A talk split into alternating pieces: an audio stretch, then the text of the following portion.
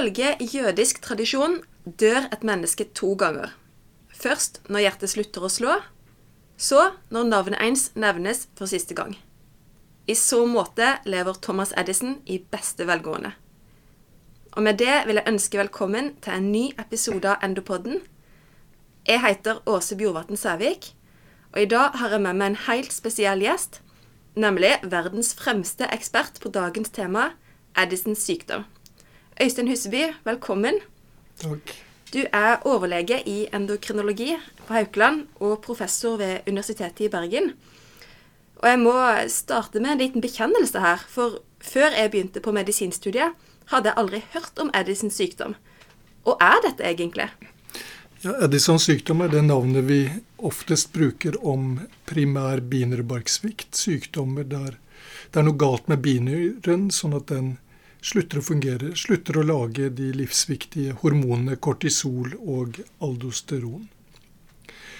Det kalles Edisons sykdom fordi han var den som først eh, beskrev sykdommen, rett og slett. Enkelt og greit.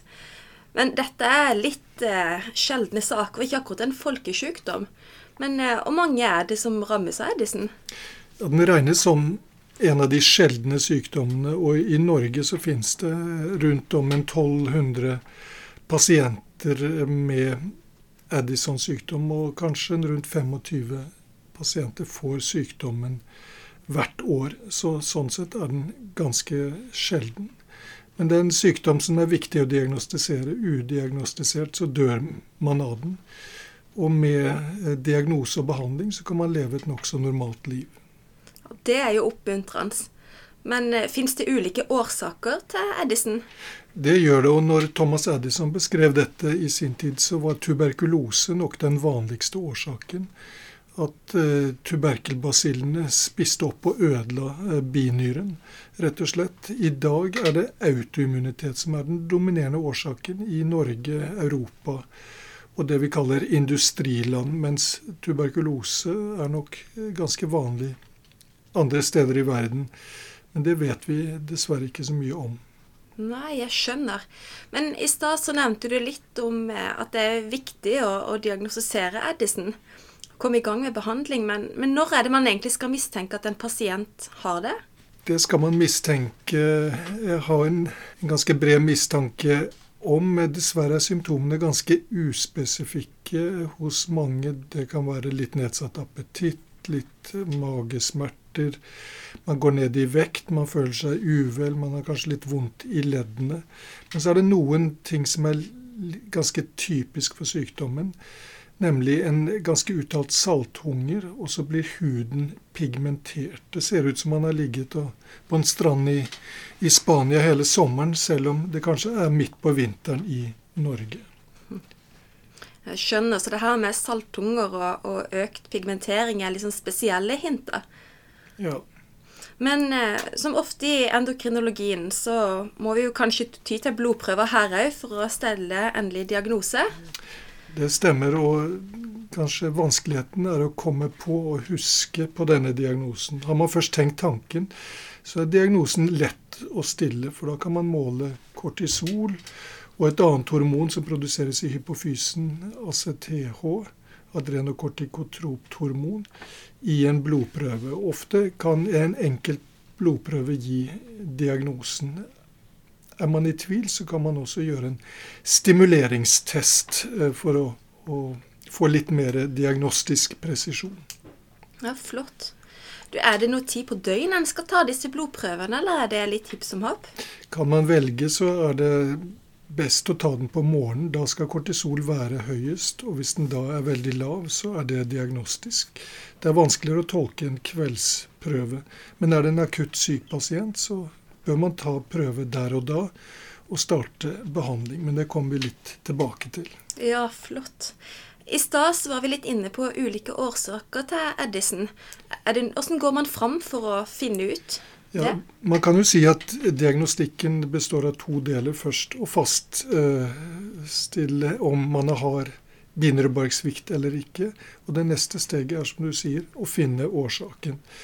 Når det gjelder autoimmunitet, som er den vanligste årsaken her i landet, så kan man benytte seg av en autoantistoffmåling, nemlig autoantistoffet mot enzymet 21-hydroksylase.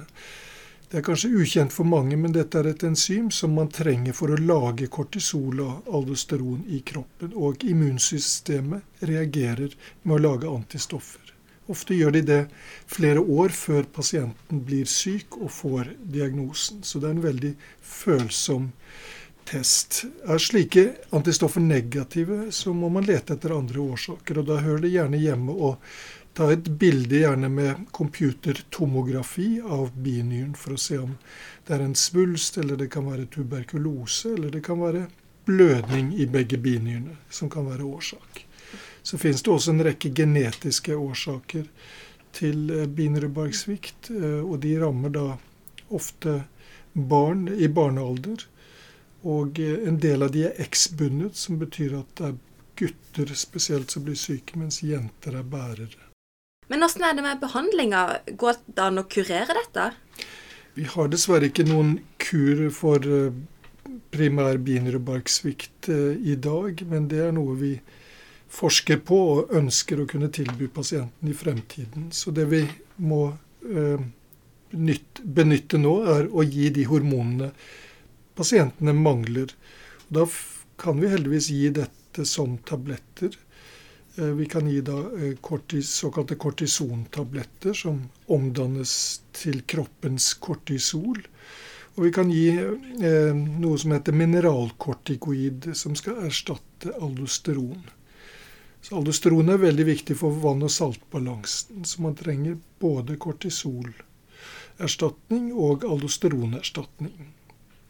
Så mangler spesielt kvinner også mannlig kjønnshormon. Det er binere barken spiller en viktig rolle for å lage mannlig kjønnshormon. Og noen kvinner behandles også med noe vi kaller DHEA eh, for å erstatte bortfall av mannlig kjønnshormon. Men det er ikke en helt etablert behandling.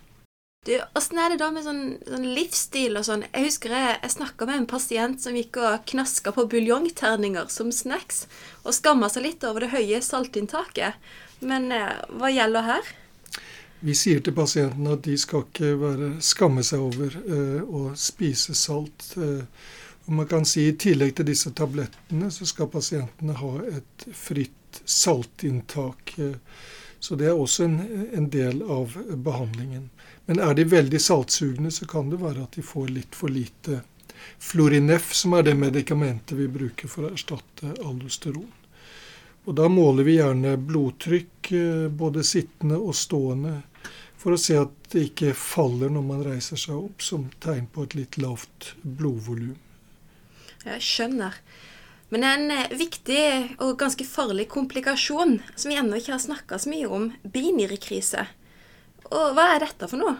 Ja, binyrekrise er en akutt svikt i binyrebarkfunksjonen ved en et kraftig stress, eh, f.eks. en alvorlig infeksjon, så vil binyren normalt respondere veldig raskt og lage mye kortisol, som da er viktig for at immunapparatet skal fungere optimalt. Eh, eh, for at kroppen mobiliserer en skikkelig stressrespons.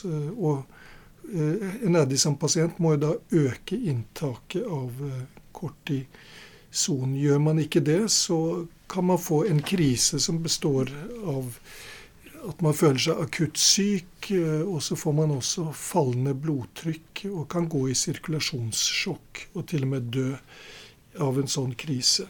Sånn at dette er en veldig farlig situasjon. Derfor lærer vi pasientene eh, opp hvordan de skal takle akutt stress, akutt sykdom ved å øke tablettinntaket. De får også opplæring i å injisere Eh, hydrokortison, eller kortisol som det også heter, i en slik akuttsituasjon. Og Det er også viktig at de informerer sine omgivelser om dette her, og at andre kan hjelpe dem å eventuelt sette en sånn sprøyte. Det er også viktig at de får et sånt eh, kort, kortisolkort, som informerer helsepersonell om sykdommen, slik at de kan gi den rette akuttbehandlingen til pasienten. Det er det ikke alltid de får pga. at dette er som kjent en litt sjelden sykdom som ikke alle doktorer har så mye vane med å behandle. Det er godt å høre at det finnes tips og, og måter som pasienter sjøl kan være med å unngå å få krise, og òg begynne behandlinga. Og Vi kan kanskje her drive litt sjølpromotering òg. Hvis noen er interessert i å se hvordan man skal sette en sånn Solu Cortef-injeksjon, så har vi faktisk laga et par videoer på YouTube, så det er bare å søke opp. Ja, Forfatteren der er jo Åse, som sitter her og snakker. og den har blitt lastet ned veldig mange ganger, den videoen. vi har også eh, det vi kaller en kortisolskole, der vi inviterer pasientene til et ettdagerskurs for hvordan man skal takle eh, akutt binrekrise. Grunnen til at vi er veldig eh, opphengt i dette, er at hvert år nesten så dør det unge pasienter i binrekrise, og det er noe vi sterkt vil unngå å forebygge. Hva er viktig når vi skal følge opp pasienter med Addison?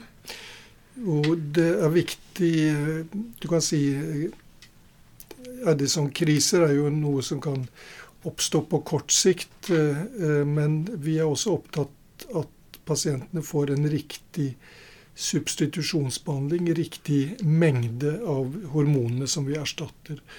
Og Det er viktig at man ikke får for mye eh, kortison eh, over tid, for det kan da disponere for andre komplikasjoner. Overvekt, eh, diabetes, mellitus type 2, eh, hypertensjon og kanskje blodfetter som er litt ute av laget. Det er studier som viser at spesielt kvinner er mer utsatt for iskjemisk hjertesykdom eller koronarsykdom ved Addison. Så det er viktig å ikke gi for mye av disse hormonene på sikt. Så mye av oppfølgingen går på, på å tilpasse dosen, slik at man får tilstrekkelig, men ikke for mye. Men vi har snakka litt om at i vår del av verden så er autoimmunitet den vanligste årsaka til Addison. Men hvordan er risikoen for andre autoimmune sykdommer? Ja, Den er spesielt høy ved Addison, og veldig mange av pasientene, flertallet, har en annen organspesifikk autoimmun sykdom. Den vanligste er autoimmun eh, skjoldbruskkjertelbetennelse, eller autoimmun truditt, med hypotyreose. Det rammer spesielt kvinner eh, mer enn menn. Eh, det er også ikke helt uvanlig å få Graves sykdom, som også er en eh, skjoldbruskkjertelbetennelse, men der man har forhøyet stoffskifte. Rundt 10 for type 1-diabetes, rundt 5 for cøliaki. Og eh, kvinner kan gå i tidlig overgangsalder. Det rammer 10% av kvinnene med binderebarksvikt. Så en Addison-kvinne bør ikke vente for lenge med å få barn, hvis hun har tenkt det. Altså det er høy forekomst av andre autoimmune sykdommer òg, skjønner jeg. Mm. Men eh, før vi avslutter her, så må vi se litt framover. Hva er siste nytt sånn på forskningsfronten? Ja, Det har faktisk skjedd eh, noe nytt eh, de siste årene. Eh, den gruppen som også jeg eh, representerer, og ledet av Åse, har sett på restfunksjon. Vi har spurt er det noe slik som de fleste har trodd, at all binderebarkfunksjon forsvinner, eller kan det være en restfunksjon? som kanskje gjør at pasienten fungerer bedre, føler seg bedre. Og kan en slik restfunksjon kanskje utnyttes, eh, stimuleres, bli større, slik at man kan klare seg med mindre tabletter. Det Åse fant ut, er at rundt en tredjedel faktisk har tegn på litt egenproduksjon i binerebarken. Så en tredjedel av pasientene har litt restfunksjon, og det jobber vi nå videre med å prøve å finne ut og utnytte i behandlingen. Ja, Helt objektivt, dette er uhyre spennende forskning. Men eh, vi har mer å by på, har vi ikke det? Ja, vi har jo også gjort en stor genetikkstudie eh, som vi har publisert nettopp i Nature Communications. Den studien eh, forklarer 40% av arveligheten ved autoimmun binderebarksvikt, som er en veldig arvelig sykdom på lik linje med f.eks. cøliaki. Det den studien viste, var at HLA-type har mye å si for risikoen. Og eh, de HLA-typene som vi ser ved f.eks. diabetes og cøliaki, gir også høy risiko for binærebarksvikt, og forklarer kanskje hvorfor man får, kan få flere av disse sykdommene. Eh, så fant vi også et uh, spennende gen som heter autoimmun regulator, som er med å, uh, å utdanne immuncellene våre. Er assosiert med binærebarksvikt. Og det er den første sykdommen hvor man har sett en slik klar assosiasjon. Såkalte genomvide assosiasjonsstudier de trenger man ofte tusenvis av pasienter for å gjennomføre. Og med en sjelden sykdom så har det ikke vært mulig før det norske og svenske eh, Addison-registeret slo seg sammen. Og bare pga. det klarte vi å, å, gjennomføre denne studien. Så det er vi veldig stolte over. Så driver vi også og eh, omformer endokrinologien, for å være litt freidige, til å måle dynamiske eh, hormonmålinger. Vi har utviklet en teknikk eh, slik at vi kan måle eh, hormonene over døgnet i vevsvæske. Men hva skal forskningen eh, vise oss de neste fem til ti årene? Vi har lyst til å forfølge dette med restfunksjon. Vi jobber nå med å omforme celler som vi samler fra urin, såkalte epitelceller, og få de til å produsere Eh, hormoner. Kanskje på sikt så kan vi oppdra eh, kroppsceller til å lage hormoner, og kanskje eh, erstatte hormontablettene med celler som kan lage binere hormoner. Det vil tiden vise. Ja, det er bare å si fortsettelse følger. Tusen takk skal du ha, Øystein Huseby. Dette var veldig spennende, og jeg håper at du som lyttere har lært mye nå om Edisons sykdom. Har du ønsker eller tips til ting vi skal ta opp i andre episoder, må du bare ta kontakt. Du finner oss på Facebook Endopodden, eller send oss en e-post til endopodden krøllalfa uib.no. Vi høres!